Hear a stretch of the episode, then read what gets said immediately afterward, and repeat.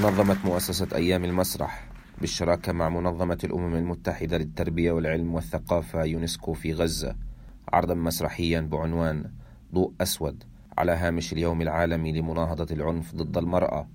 وتلا العرض المسرحي الذي عكس واقع النساء الفلسطينيات في قطاع غزة والصعوبات التي تواجههن عرضا لقصص سيدات ناجيات من العنف. مخرج المسرحية ونائب المدير الفني لمؤسسة أيام المسرح محمد الهسي أوضح طبيعة الفعالية وقال يوم الفعالية هي فعالية الحملة ال 16 يوم لمناهضة العنف ضد المرأة المبني على النوع الاجتماعي. طبعا إنها مجموعة من الفعاليات كانت بدايتها اللي هو العرض المسرحي ضوء أسود ما بعديها اللي هو تيد توكس اللي هو مجموعة من السيدات اللي بيحكوا عن تجاربهم وقصصهم الشخصية وين وصلوا في هاي التجارب في حياتهم. مسرحية ضوء أسود. عالجت دورة حياة النساء في المجتمع الفلسطيني كما يقول الهسي. ضوء أسود بيحمل قضايا سيدات في ثلاث مراحل. المرحلة الأولى مرحلة الصبايا وهم عايشين بكامل حريتهم وبنتظروا المرحلة الثانية فترة الانتظار زي ما بقولوها عش الخطوبة أو الزوجية اللي بيبدوا يخطبوا فيها وكيف تكون الحياة. بشكل وردي والمرحلة الثالثة فترة الزواج.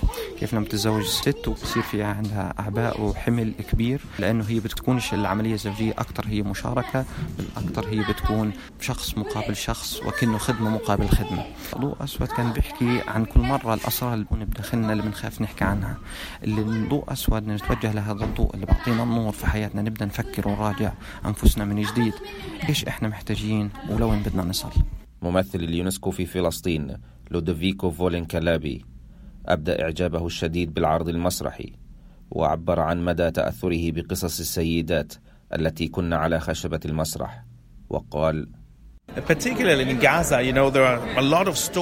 في غزة على وجه التحديد هناك الكثير من القصص والأصوات التي لم تسمع بعد.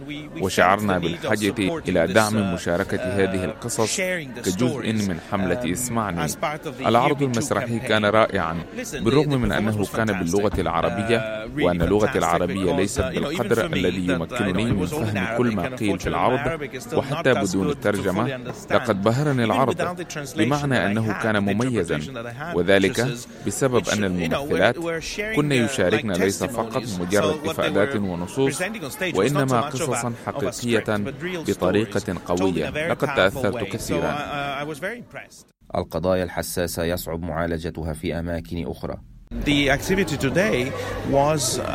هدف النشاط اليوم إلى إتاحة الفرصة للناجيات من العنف بهدف مشاركة قصصهن من خلال المسرح.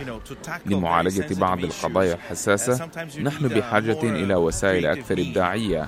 والمسرح وسيلة قوية جدا لأن عبره يمكن مشاركة قصص حساسة وبطريقة تمس الجمهور وتشعره بالحاجة إلى فعل شيء من أجل التغيير. هناء عبد النبي حكواتية شاركت في العرض المسرحي. ترى بأن مشاركة القصص الشخصية قد يلهم نساء أخريات في تحدي ظروفهن والتغلب على الصعاب. من خلال تجربتي في الحكواتي أنا لما نزلت أتعلم هذا المشروع لأنه أكيد مش أي حدا بيقدر يشتغل حكواتي.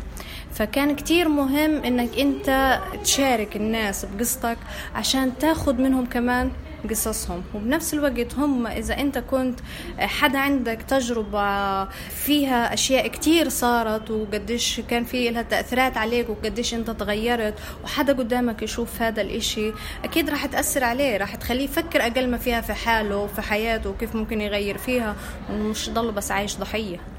كانت بدايتي إنه أنا شاركت بقصتي في, في مع السيدات ولما كنت أنا أنزل أجمع قصص من السيدات. فكنت لما ببادر هم كمان ببادروا. وبنفس الوقت بلاقي منهم دعم وأنا كمان بدعمهم بقصتي. تعدد وتنوع النشاطات الملهمة للسيدات من قبل المؤسسات المختلفة بالشراكة مع منظمات الأمم المتحدة وكذلك مشاركة الرجال في الفعاليات. قد يؤثر إيجابا ويراكم من العمل من أجل الوصول إلى مجتمع خال من العنف المبني على النوع الاجتماعي. حازم بعلوشة إذاعة الأمم المتحدة غزة.